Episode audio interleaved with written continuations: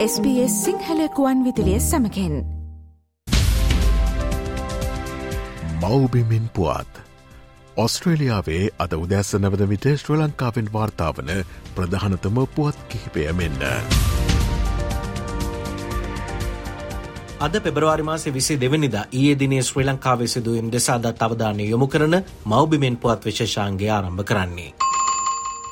දහතුන්වන ව්‍යවස්ථා සංශෝධනය බලාත්මක කිරීමේදී සහ පලාත්වලට බලතල බෙදා හැරීමේදී පොලිස් බලතල සහ ඉඩම් බලතල ලබාදීම සම්බන්ධයෙන් පහුගේ කාල සීමාවේ යම් ආන්දෝලනාත්මක අදහස් ප්‍රකාශ කිරීම සිදුවනා. ඊටත් විසඳුමක් ලෙස විය හැකි උදේ ගම්මන් පිළ පිවිතුරු හෙළවරුමේ නායක පාර්ලිමේන්තු මන්ත්‍රීවරයා පෞද්ගලික මන්ත්‍රී යෝජනාවක් සභාගත කලා එය පෞද්ගලික මන්ත්‍රී යෝජනා කෙටුම් පතක් විදියට තමයි පාර්ලිමේන්තුවේදී සභාගත කළේ. ඒ අනුව විසි දෙවන ව්‍යවස්ථා සංශෝධනය හරහා පළාත් සභාවලින් පොලිස් බලතල ඉවත් කළ යුතුයි කියන යෝජනාව උදේගම්මන් පිළ පාර්ලිමේන්තු මන්ත්‍රීවරයා පාර්ලිමේන්තුවට ඉදිරිපත් කළා.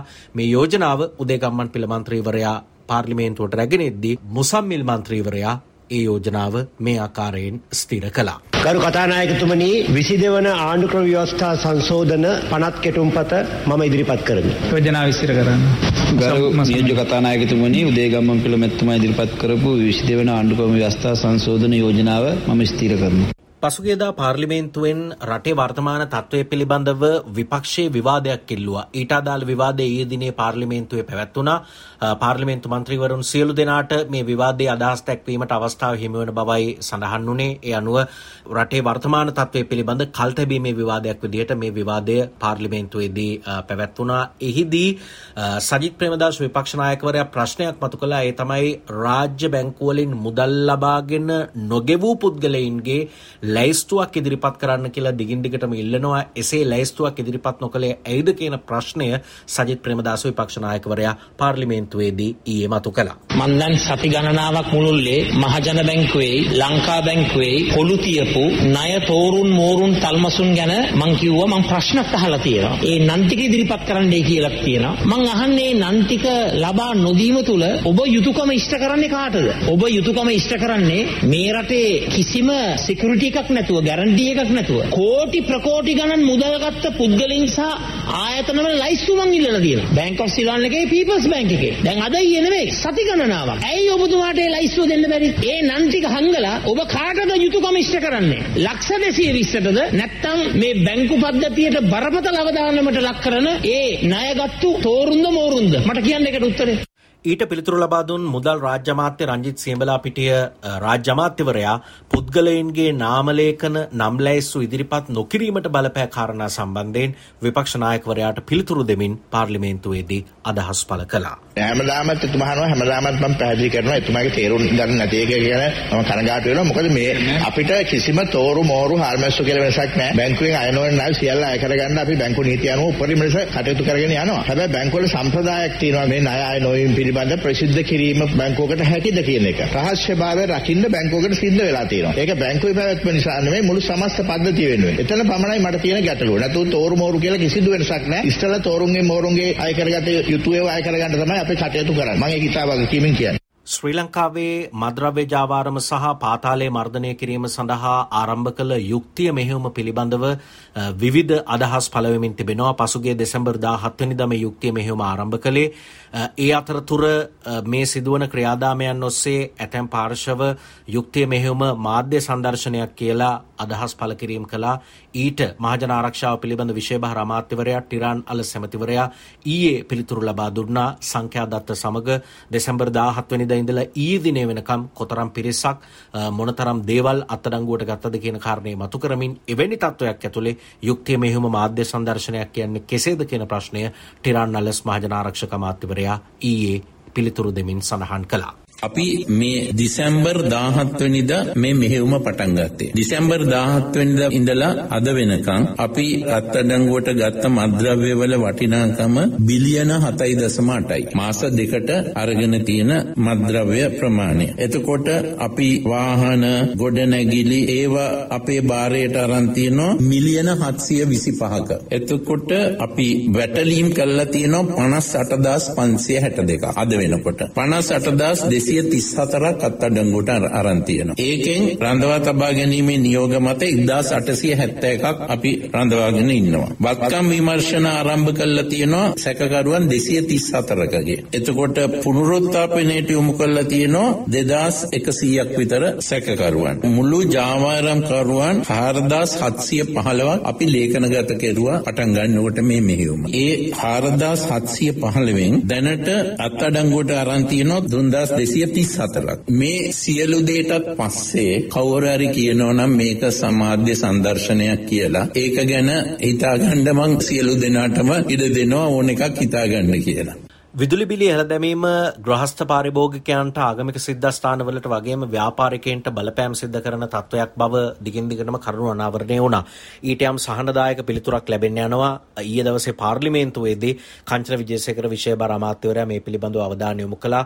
ඔක්තෝබර් මාසයේ විදුලි බිලි ඉහළ දානකොට තිබුණු තත්ත්වයටම යලිත් විදුලි බිල රැගෙන එන්න කටයුතු කරනවා. ඊට අදාළ යෝජනාව ලංකා විදුලි බල මණ්ඩලය අද දවසේ මහජන උපයෝගිතා කොමිසමට ලබා දෙන්න නියමිත බව ඊයේ ඊයේ පාර්ලිමේන්තුවේදී කංචන විජේසේකර ඇමතිවරයා සඳහන් කළා. මේ ඒ පිළිබඳව අමාත්‍යවරයා පාර්ලිමේන්තුවේදී පළ කළ අදහස්.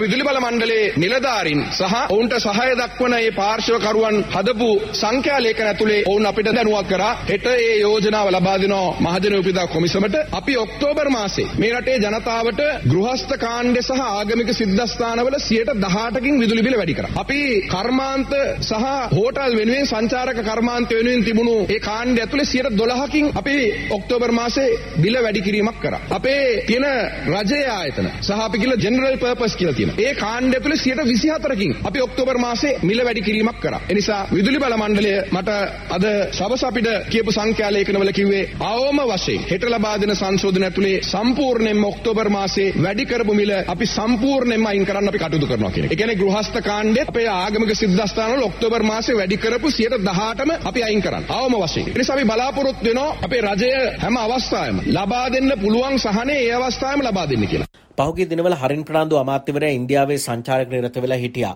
ඒ සංචාරයේදී කරපු ප්‍රකාශයක් පිළිබඳව විමල් විරවංශ පාර්ලිමේන්තු මන්ත්‍රීවරයා පෙරේද දවසේ පාර්ලිමේන්තුවේදී අවධානය යොමු කළා.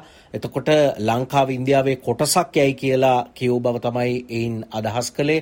ඒ අනුව ඒ පිළිබඳව අවධානය යොමු වෙලා තිබුණා. ඊයේ හරින් ප්‍රනාන්දු අමාත්‍යවරයා පෙරේද දවසේ විමල් විරවංශ මන්ත්‍රීවරයා පාර්ලිමේන්තුවේ මතු කරපු අදහසට මේ ආකාරයෙන් ප්‍රතිචාර දැක්වුවා. ඊයේ දවසේදී විශේෂයෙන්ම විශාල ආందోලනයක් කරුණු කීපයක් ප්‍රකාශ කරා ඉන්දියාවේදී මම කරපු ප්‍රකාශයක් සම්බන්ධයෙන්. ලංකා ඉතිහාසයේ වැඩිම සංචාරක පිරිසක් ඉන්දියාවෙන් එන මොහොතකදී ඉන්දියාවත් එක්ක තියෙන ඉතිහාසයේ සම්බන්ධතාවයත් එක්ක බලනකොට වචනයක් කතා කරනකොට ශ්‍රී Lanka is a part of India කියන එක ව්‍යවස්ථානුකූලව වැරදි දෙයක් කියලා අර්ථකථනය කරලා හම්පට්ට ගහන්න හදන අමු ගවයෙක් මේ පාර්ලිමේන්තුවේ හිටියා කියන එක මම මේ අස්සදී මතක් කරන්නට ඕනේ. ඒ ගැන මම කනගාටුයි. ඉන්දියාවෙන් වැඩිම සංචාරක වෙන වෙලාවේ වෙලාවේ මාව දඩමීමා කරගෙන අරගෙන දේශපාලන වශයෙන් වාසියක් අරන් එල්ලෙන්න තැනක් නැති වෙලාවේ කරන්නා වූ මහත් පහත් ක්‍රියාවක් කෙරෙහියි මම මේ ආස්සාවදී දකින්නේ ලංකාවේ කාන්තාවන් ගෘහසේවිකාවන් විදිහට විදේශ රැකියා සඳහා යැවීම සම්පූර්ණයෙන් නතර කරන්න අවශ්‍ය ක්‍රියාමාර්ග ගන්න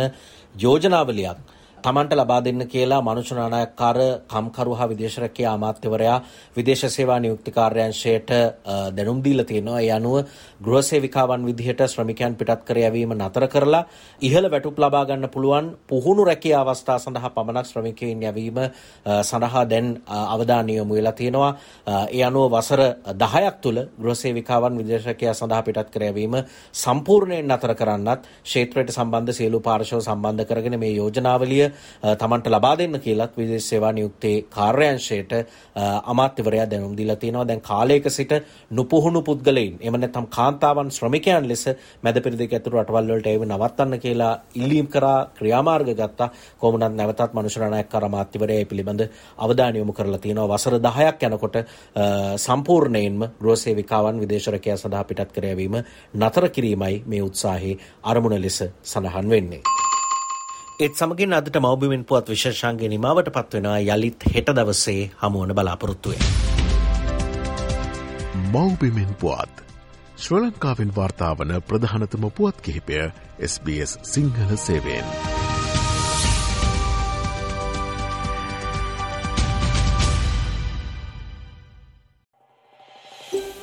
මේ වගේ තවත්තොරතුරු දැනගන්න කැමතිද.